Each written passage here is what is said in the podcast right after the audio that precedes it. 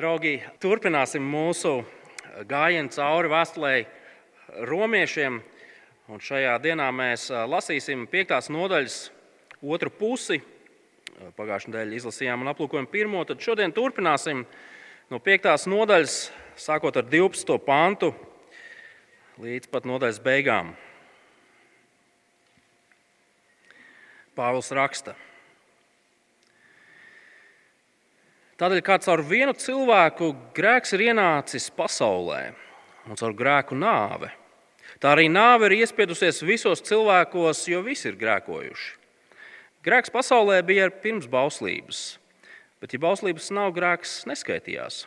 Tomēr nāve valdīja no Ādama līdz Mozum, arī pār tiem, kas nebija grēkojuši tādos pārkāpumos kā Ādams.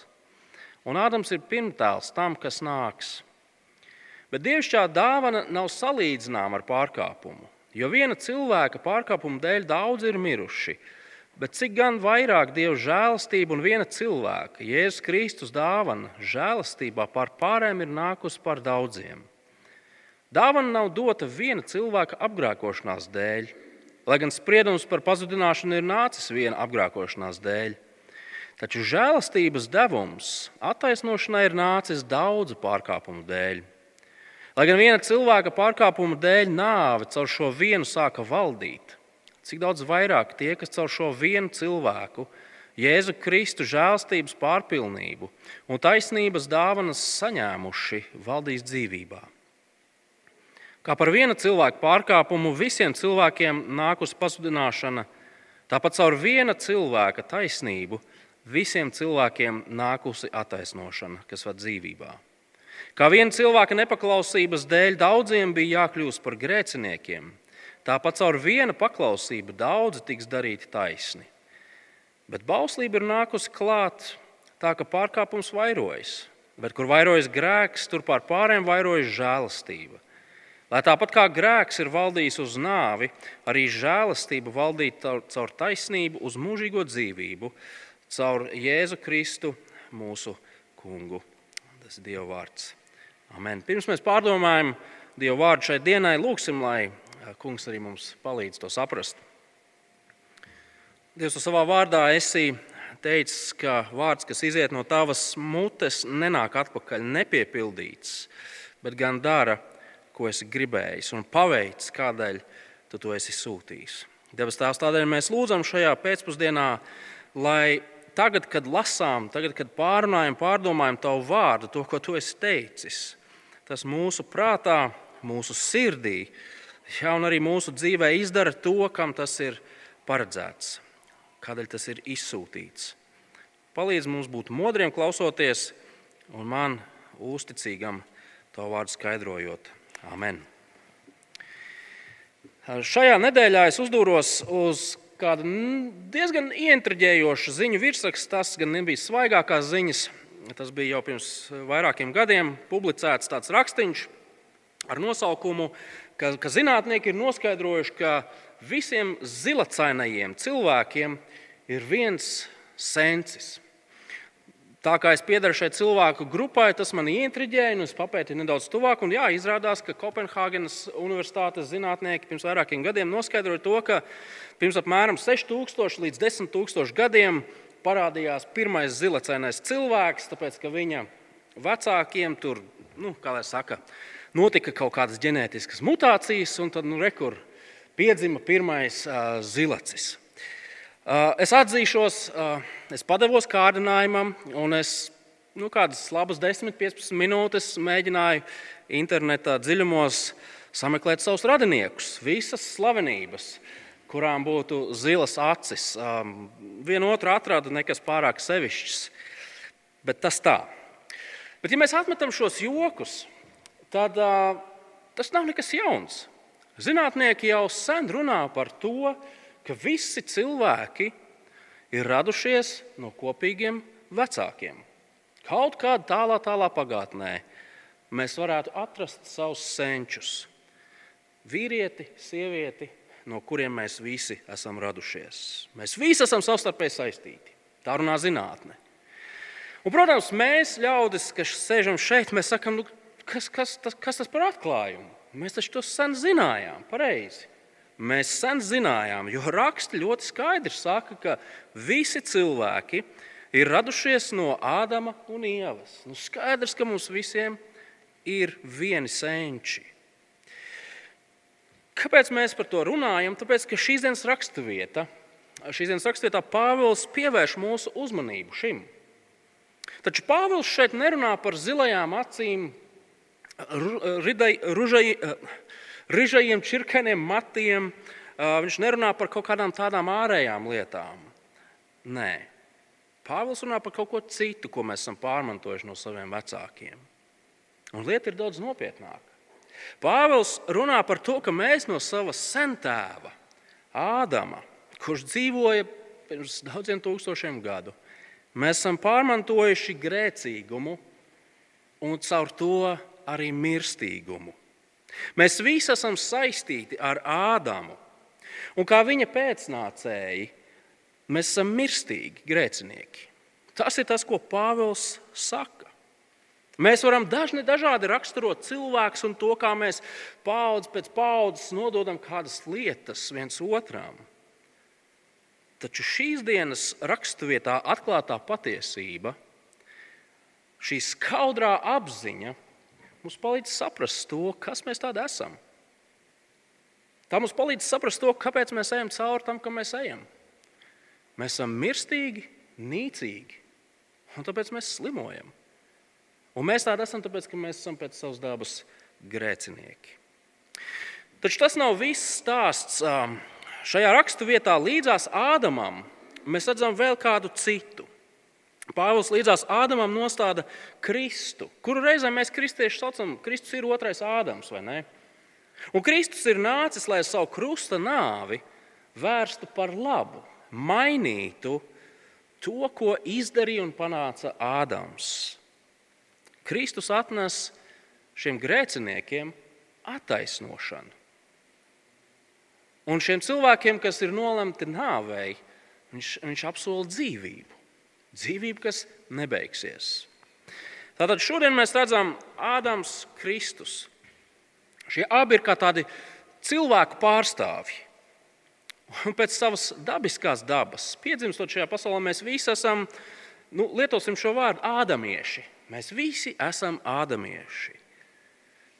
Taču caur Kristus krustu Dievs mums pasniedz negaidītu un nepelnītu dāvanu iespēja mainīt to, kas mēs savā dabā esam, dzīvot attaisnotiem un būt patiesi dzīviem. Ja gribat, Dievs savā žēlstībā ādamiešus padara par kristiešiem.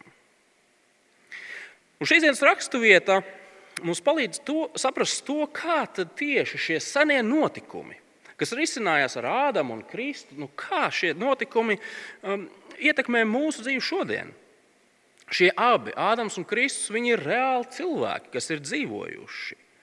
Un viņu rīcība ir noteikusi pilnīgi visu cilvēces gājumu, likteni, arī mūsējo. Un savas vēstules 5. nodaļā Pāvils vēlas kristiešus iedrošināt, viņš vēlas viņus stiprināt, runājot par to, ko tad mūsu labā izdara Kristus krusta nāve. Pirmajās četrās nodaļās Pāvils runāja par to, ka mēs visi esam vainīgi, bez izņēmumiem vainīgi. Bet Kristus krusta nāve attaisno. Un tie, kas ticībā šo attaisnošanu pieņem, viņu dzīves mainās. Un tagad Pāvils par to runā. Nodaļas sākumā viņš, viņš runāja par, par šo drošo cerību. Mēs skatāmies nākotnē ar drošību, ka kādu dienu, tad, kad pienāks mūsu laiks stāties Dieva tiesas priekšā, vai, vai pienāks laiks eh, vispār sastapt kungu, mums nav jābaidās no tā. Mēs varam būt droši, ka pēc Kristus attaisnošanas dēļ. Un tagad, 5. nodaļas otrā pusē, Pāvils turpina runāt par šo kristiešu drošību, bet viņš, viņš pieiet no nedaudz citas puses. Viņš pasaka ļoti līdzīgas lietas, bet viņš saka, ka Kristus jums dāvā drošību, tāpēc ka jūsu DNS ir izmainīta. Mainās jūsu būtība Kristus dēļ. Tādā garīgā nozīmē, nevis burtiski, protams. Un Pāvils to rakstā vienkārši iemeslu dēļ, lai mēs kristieši mēs varētu iegūt pārliecību, lai mēs varētu iegūt šo drošību, kas ir nemainīga neatkarīgi no tā, ko mēs dzīvē piedzīvojam. Mums ir jāzina, ka Kristus nopelna dēļ mūsu grēcīgums un mūsu mirstīgums. Lai arī tā ir realitāte, kurai mēs visi ejam cauri, mēs pirms brīža devāmies grēksūdzē, kāpēc? Tāpēc, ka mēs joprojām grēkojam. Bet tā ir tikai daļa no realitātes. Mēs varam būt droši par to, ka kristieši ir atbrīvoti no šīs nāvei nolemtās iedzimtības. Un, ja mēs turamies pie Kristus kā sava pārstāvja, mēs beig, tiek, beig, beigās tiekam atbrīvoti arī no Ādama dabas un šīs dabas rezultātu mūsu dzīvē. Tad es aicinu, ka mēs varētu aplūkot šos divus pārstāvjus. Kā lasījumā jūs jau redzējāt, ka viņi viens otram ir paralēli iet Ādams Kristus, Ādams Kristus, tad nu darīsim tā, ka mēs no sākuma aplūkosim, ko tad Pāvils pasaka par mūsu pirmo pārstāvi, Ādamu, un pēc tam pievērsīsimies otrajam pārstāvim, Kristum, un aplūkosim, ko tad šie abi ir nopelnījuši un kā tas ir ietekmējis mūsu dzīvi. Tad Ādams un viņa nopelns - grēks un nāve. Izlasīsim dažus gabaliņus no šīs dienas raksturvietas. Es pateikšu, ko mēs lasām, bet es gribu, lai mēs iegūstam tādu, tādu lielāku bildi par šo raksturvietu. Tātad 15. pāns. Tādēļ, kā caur vienu cilvēku grēks ir ienācis pasaulē, un caur grēku nāvi tā arī nāve ir iespiedusies visos cilvēkos, jo visi ir grēkojuši. 15. panta viducīts.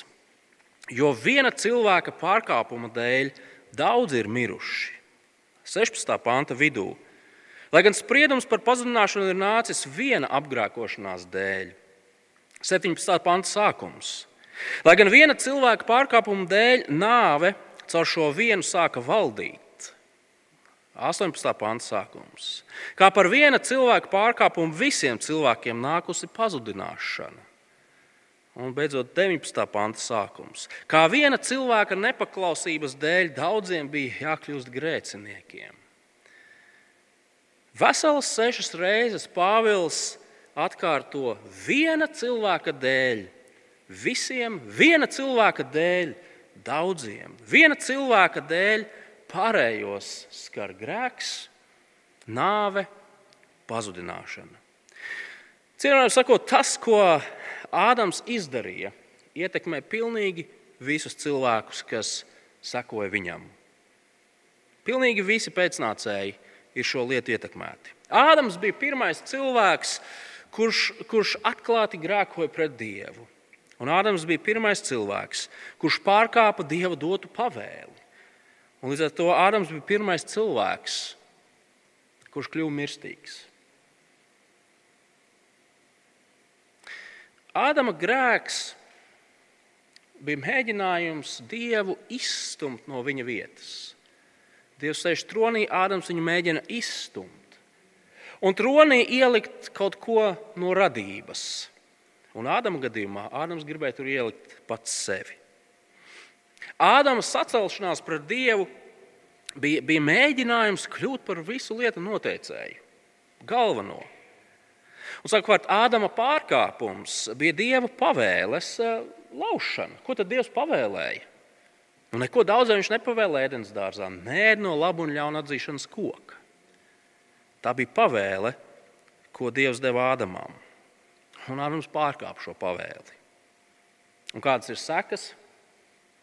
Mēs atceramies no pirmās mūža grāmatas, trešās nodaļas, kas ļoti skaidri apraksta to, ka līdz ar Ādama šo grēku, šo pārkāpumu, visa pasaule sagriezās kājām gaisā uz visiem laikiem. Līdz ar grēku pasaulē ienāca nāve. Labā pārpilnības vieta, kur bija zelts un upes un viss pārējais, kļuva par ciešanu, smaga darba, sviedru, asaru, jā, un arī asiņu vietu. Mēs varētu teikt, ka Ādams uz šīs pasaules iesāka jaunu laikmetu, grēka un nāves laikmetu. Un šis laikmets skar mūs visus, tāpēc ka mēs visi dzīvojam šajā pasaulē. Viņa dēļ mēs mirstam. Viņa dēļ mums ir pasludināts spriedums par pazušanu. Viņa dēļ mēs esam grēcinieki. Ādams un viņa nepaklausība ietekmē mūs visus. Mēs visi pēc savas dabas esam Ādama, Ādama bērni, ādamieši. Mēs tādu piedzimstam. Mēs reizēm kristieši sakām, tas ir iedzimtais grēks. Šo stāvokli, kad visi cilvēki pēc savas dabas noraida Dievu radītāju, noraida to, ko Dievs ir teicis. To dzirdot, protams, cilvēkiem ir dažādi iebildumi. Viens no iebildumiem, kas ir ļoti populārs mūsdienās, ir, nu, ka nav jau tāda iedzimta grēka. Nu, kas tās tādas par tādām viduslaiku muļķībām? Tā mēs skatāmies uz cilvēkiem, cilvēks taču pēc savas dabas ir labs. Nu, labi, varbūt ne tāds eņģelīts labs, bet nu, vismaz neitrāls. Cilvēks pēc savas dabas nav ļauns. Cilvēks kļūst ļauns tikai tad, kad viņš saskarās ar apkārtējo vidi.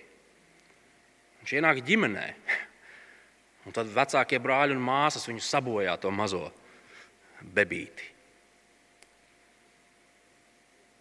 Bet cilvēks, ja viņa apstākļi ap viņu ir pareizie, viņam ir labā potenciāls, tāpēc ka viņš ir labs pēc dabas. Šo man gribas teikt, tas ir cik, tik naivi. Tas ir tik naivi un Bībelē neatbilstoši. Turklāt, kad mēs runājam par iedzimto grēku, mums ir svarīgi saprast vienu ļoti svarīgu niansi. Runājot par iedzimto grēku, mēs primāri nerunājam par kaut kādām sliktām lietām, kuras cilvēks dara. Mēs primāri nerunājam par to, ko cilvēks saka vai pat nodomā.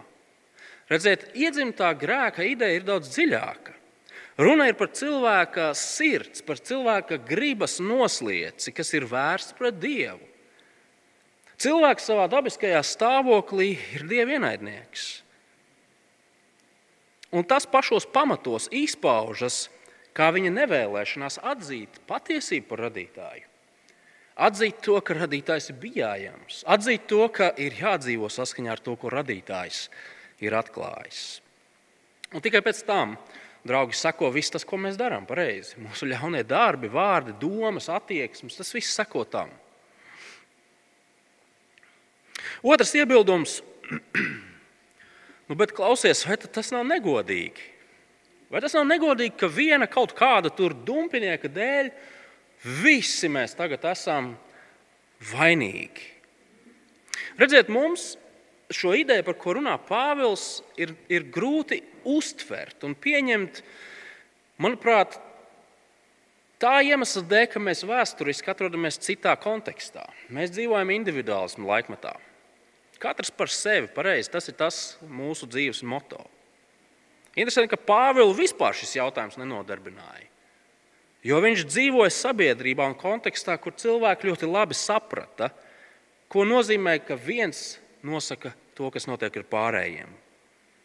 Šeit ir runa par pārstāvniecības principu. Un, ja mēs tā padomājam, tad tā ideja nemaz nav tik sveša un neparasta. Arī mums dzīvoja 21. gadsimtā. Nu, piemēram, ja ģimenes galva tētis. Tur nu, visādi tur lietas sagriez, sagrozās, un viņam darbs pēkšņi tiek pārcelts no Rīgas uz Liepāju vai Daugaupili. Un viņam ir jābrauc tur, viņš nevar strādāt attālināti. Draugi, tas taču ietekmē visu ģimeni pareizi. Visa ģimene pārceļās uz Liepāju vai Daugaupili. Bērniem neviens neko neprasa, viņi tiek paņemti un aizvesti. Vai, teiksim, cits piemērs vienas valsts valdība pasludina karu pret kādu citu valsti. Šis pasludinājums ietekmē pilnīgi visus šīs valsts iedzīvotājus. Ģimenes galvas lēmums ietekmē visu ģimeni. Valdības lēmums ietekmē visu nāciju. Tieši tādā pašā veidā Ādams ir visu cilvēku pārstāvis.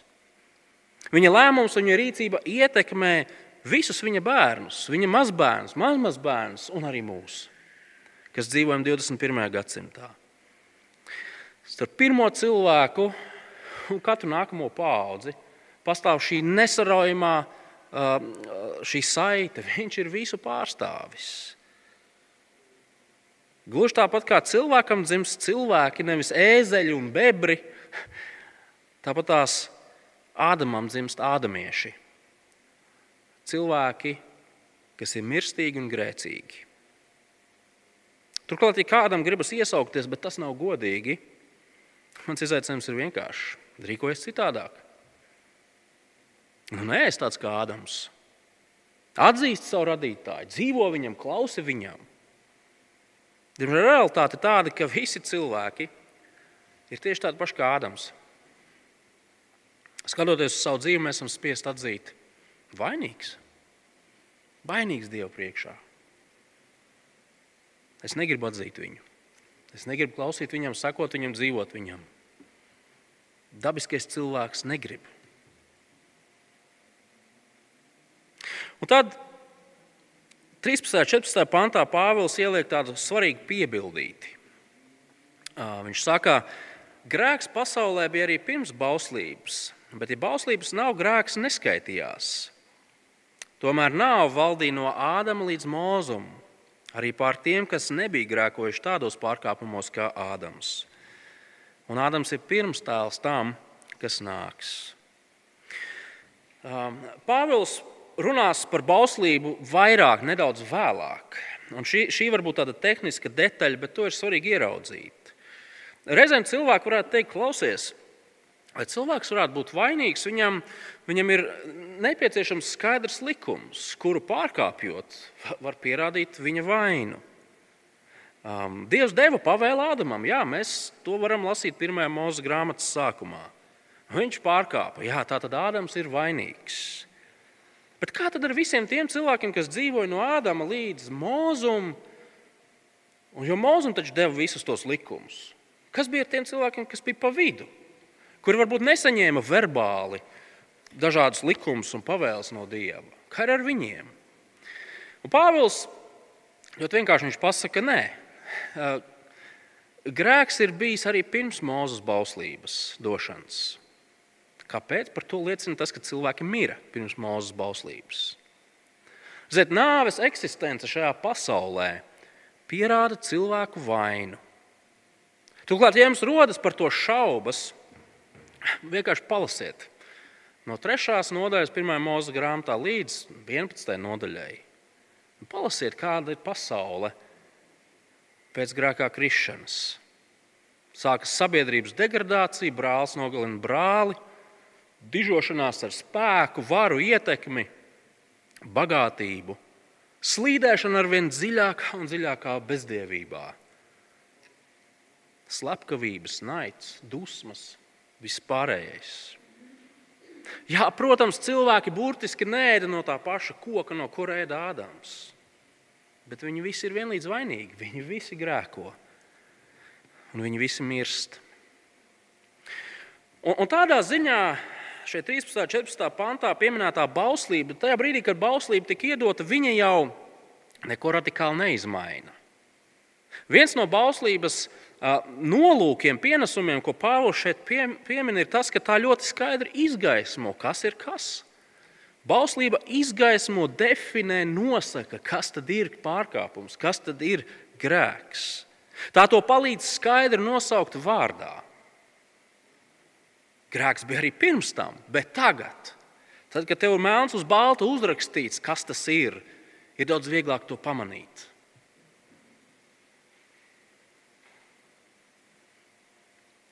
Draugi, mēs visi pēc savas dabas esam ādamieši. Mēs visi esam cilvēki. Un tas nozīmē, ka mēs, mēs visi esam grēcinieki.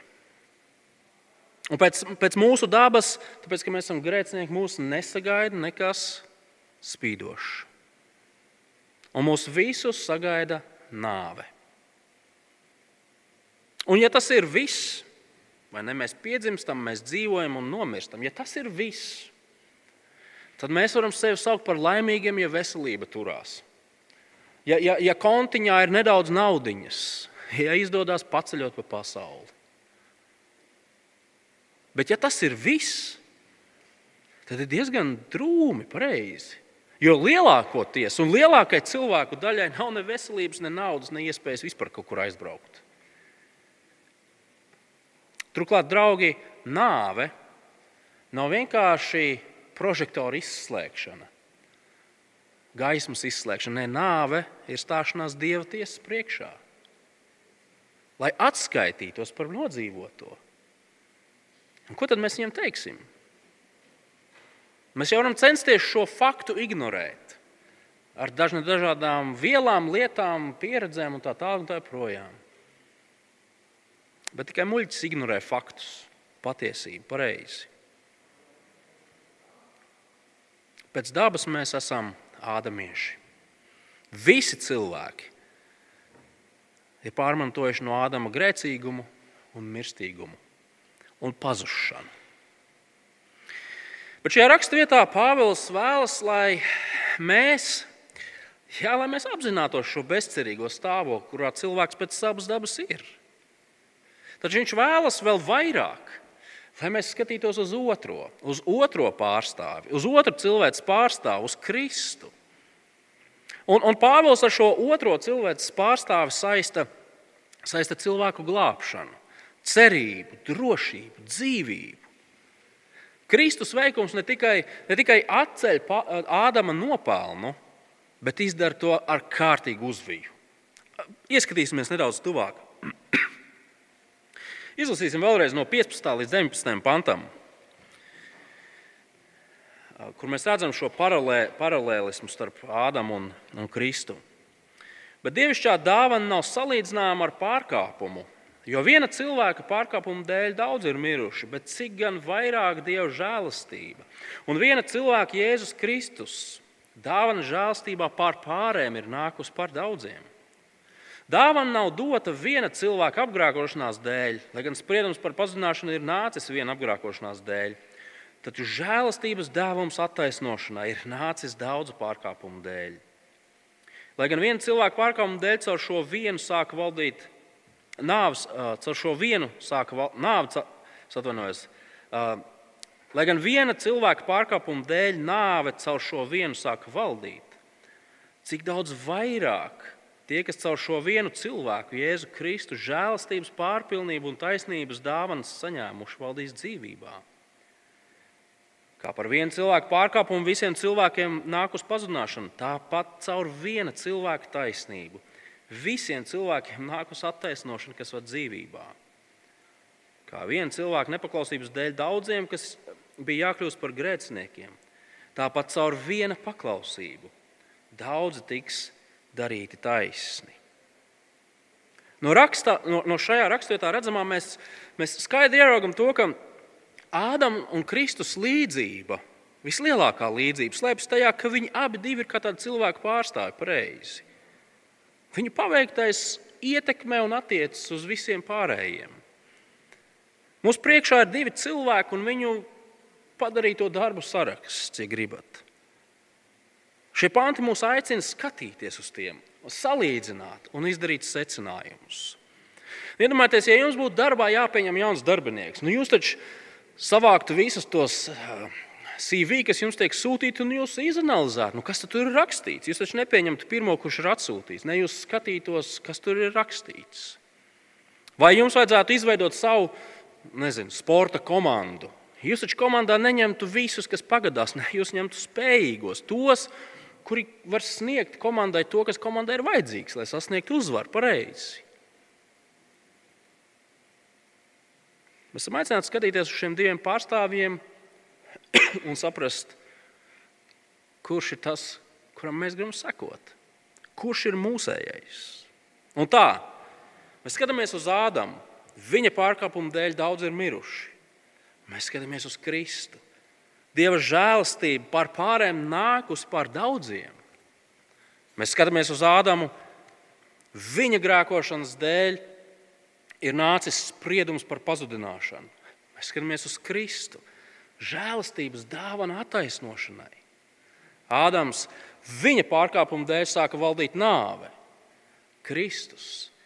Tie, kas saņēmuši viņa žēlastības dāvanu, dzīvos. Ādams viņa pārkāpuma dēļ visiem nāk uz pazudināšanu. Kristus viņa taisnības dēļ visiem nāk uz attaisnošanu, kad vērt dzīvībā. Ādams viņa nepaklausības dēļ daudzi kļuvuši grēcinieki. Kristus viņa paklausības dēļ daudzi tiks darīti taisni. Mēs redzam, ka Kristus ar savu krusta nāvi patiešām apgriež kājām gaisā, vērš par labu visu, ko panāca Ādama nepaklausība, ko panāca Ādama grēks. Grēka vainas, nāves un pazudināšanas vietā Kristus, ko viņš dāvā? Viņš dāvā žēlastību, attaisnošanu, dzīvību. Līdzīgi kā Ādams pasaules vēsturē iesāka grēka un nāves laikmetu, mēs redzam, ka Kristus šajā pasaules vēsturē iesāka jaunu laikmetu.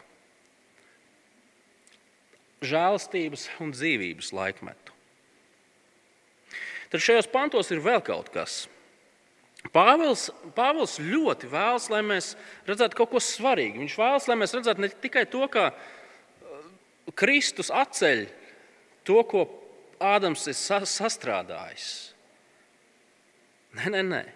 Pāvils vēlas, lai mēs redzam, ka Kristus ir daudz pārāks. Kristus veikums ir daudz pārāks par visu to, ko Ādams ir sastrādājis. Te nav runa par kaut kādu, ziniet, kā reizēm austrumu reliģijās runā par iņņaņu principu. Labais, ļaunais līdzsvarā, un tad visi dzīvo priekā un laimē. Nē. Kristus kā cilvēks pārstāvs ir daudz, daudz, daudz pārāks nekā Ādams. Ieskatīsimies pāris vietiņās, tā pašā 15. pantā. Bet dievišķā dāvana nav salīdzināma ar pārkāpumu. Jo viena cilvēka pārkāpuma dēļ daudz ir miruši, bet cik gan vairāk Dieva žēlstība un viena cilvēka, Jēzus Kristus dāvana žēlstībā pār pārējiem, ir nākus par daudziem. Dievs, Dieva žēlstības dāvana nav salīdzināma ar Ādama nodarījumu. Viņa, viņa pārkāpumu nopelns ir, nu, kā, kā mēs varam teikt, precīzs. Ne kāpēc vairāk, ne kāpēc mazāk. Tu saņem tieši to. Bet, ja mēs varētu šo ilustrāciju paturpināt, runājot par augu, tad Kristus veikums ir bonus bonusa galā, kas nāk pār tevi, gāžās pār tevi neskaitām vairs, vairāk reizes pārsniedz to, ko tu būtu pelnījis. Vai skaties 17. pantā? Lai gan viena cilvēka pārkāpuma dēļ nāve caur šo vienu sāka valdīt, cik daudz vairāk tie, kas caur šo vienu cilvēku, Jēzu Kristu, žēlstības, pārpilnības un taisnības dāvanas saņēmuši valdīs dzīvībā. Cik daudz vairāk žēlstības pārpilnība nāk no Kristus. Turklāt šī, šī dzīvība, ko Kristus dāvina, tā nav tāda, ziniet, pieliek pie dzīves piecus vai desmit gadus. Nē, tā ir mūžīgā dzīvība. Tā ir mūžīgā dzīvība, nebeidzamā dzīvība. Dzīvība uz visiem laikiem. Šis raksturīts uh, nobeigumā Pāvils vēlreiz piemin bauslību. Ieskatieties 20. un 21. pantā. Bet bauslība nākusi klāt tā, ka pārkāpums vairojas, bet kur vairojas grēks, tur par pārējiem vairojas žēlastība. Lai tāpat kā grēks ir valdījis uz nāvi, arī žēlastība valdītu caur taisnību, uz mūžīgo dzīvību, caur Jēzu Kristu mūsu kungu. Nākamajā svētdienā Andrejs Priedīts vairāk pievērsīsies šai idejai, sastajā nodaļā, taču mēs, mēs redzam ļoti vienkārši. Pāvils grib pateikt, draugi, tajā brīdī, kad bauslība sāk izgaismot visus tos dažādos pārkāpumus, ko cilvēki veic, kad bauslība kā tāda prožektora izgaismo ne tikai mācītāju, bet visus zālē sēdošos, tajā brīdī mēs žēlastību ieraugam vēl spilgtāk. Žēlastība ir kā tāda saule, kas ir ietecējusi šajā istabā. Izgaismo visu vēl vairāk.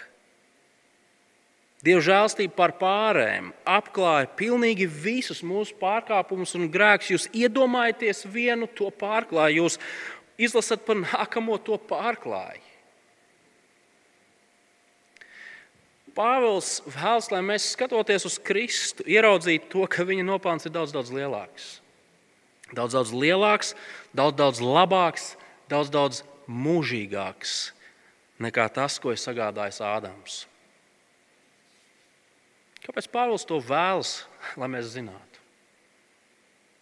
Tāpēc, ka viņš vēlas, lai mēs skaidri un nešaubīgi saprastu un paturētu prātā to, ka Kristus krusta veikums, viņa sarūpētā attaisnošana ir pa īstam, ir līdz galam, ir absolūta, ir pietiekoša, ir droša, ir visu radikāli izmainoša.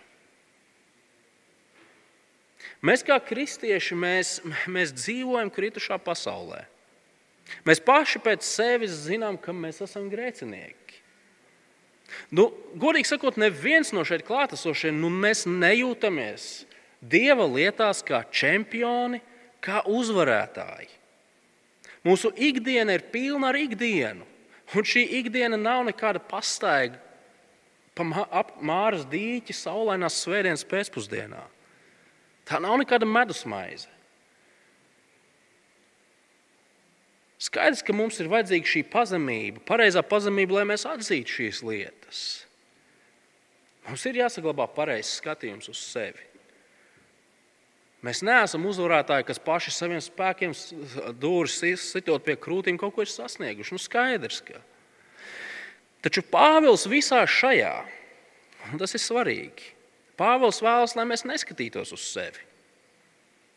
Pāvils vēlas, lai mēs neskatītos uz to, kā mēs jūtamies vai kā mēs nejūtamies. Šajā raksturvietā uzmanība ir pievērsta kam? Mūsu pārstāvim, Jēzum Kristum. Viņam, kurš nos, nosiņoja pie krusta, lai mūs attaisnotu. Tādējādi mums piešķirot jaunu identitāti. Mēs esam Ādama dēli un Ādama meitas. Mēs esam ādamieši, mēs esam cilvēki, kas pēc savas dabas mēs esam grēcīgi, dievi ienaidnieki, dumpinieki, kas saskarsies ar pazudināšanu un nāvi Dievu priekšā. Bet tagad Kristus dēļ, ja Viņš ir mūsu pārstāvis, mēs tiekam attaisnoti. Mums tiek dāvāts mūžīgās dzīvības apsolījums, kur, kā mēs redzējām iepriekšējā raksturvietā, viņš ir drošs, mūsu nākotne ir droša. Visa mūsu glābšana, mūsu nākotne, mūsu cerība ir droša, tādēļ, ka Kristus kā mūsu pārstāvis ir dzēsis mūsu no Ādama pārmantoto grēcīgo statusu Dievu priekšā un tam sekojošo taisnīgo sodu un spriedumu Dievu priekšā. Mēs tiekam pārveidoti. Ja gribat mūsos iedzimst kaut kas, kaut kas jauns, Kristus sarūpētais taisnīgums, pasludina mūs par taisniem. Un, tā, un, un tādēļ, kā tādus, kas saņems mūžīgo dzīvību, nevis pazudināšanu. Draugi, pēc savas dabas šajā, šī raksturvieta mūs skaidri apgaismo. Mēs visi esam Ādama pēcnācēji. Bet Dieva žēlstība kas izpaužas caur Kristu kā mūsu pārstāvi, mūs padara par kristiešiem. Par tiem, kas seko mūsu pārstāvim, Kristum. Un tam visam ir nozīme. Tas mums palīdz saprast to, kāpēc mēs darām to, ko mēs darām. Tas mums palīdz saprast to, kur ir meklējams reāls glābiņš, reāla drošība. Jēzus Kristus krusts un tur sarūpēta attaisnošana ir kaut kas daudz lielāks par viena cilvēka glābšanu. Jēzus ir mainījis visas cilvēces gaitu, visas vēstures gaitu. Viņa dēļ daudzi, jo daudzi no visas plašās pasaules, no visām tautām, ciltīm, valodām var kļūt par dieva bērniem. Mēs dzīvojam Ādama iesāktā laikmeta beigu posmā. Mēs nezinām, cik ilgi tas vilksies, nav mūsu ziņā izskaidrot kaut kādus gada skaitļus un datumus, bet mēs zinām, ka kādu dienu tas beigsies. Un vienlaikus mēs dzīvojam kāda jauna laikmeta sākumā. Kristus atnesa žēlstības un dzīvības laikmetu. Un tā nu mēs dzīvojam šo, šo, šo laikmetu krustcelēs.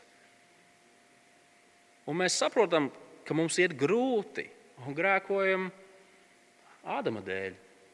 Bet vienlaikus Pāvils mums saka, skatieties uz priekšu, skatieties to, ko Kristus ir izdarījis. Jūs sagaidat nākotne.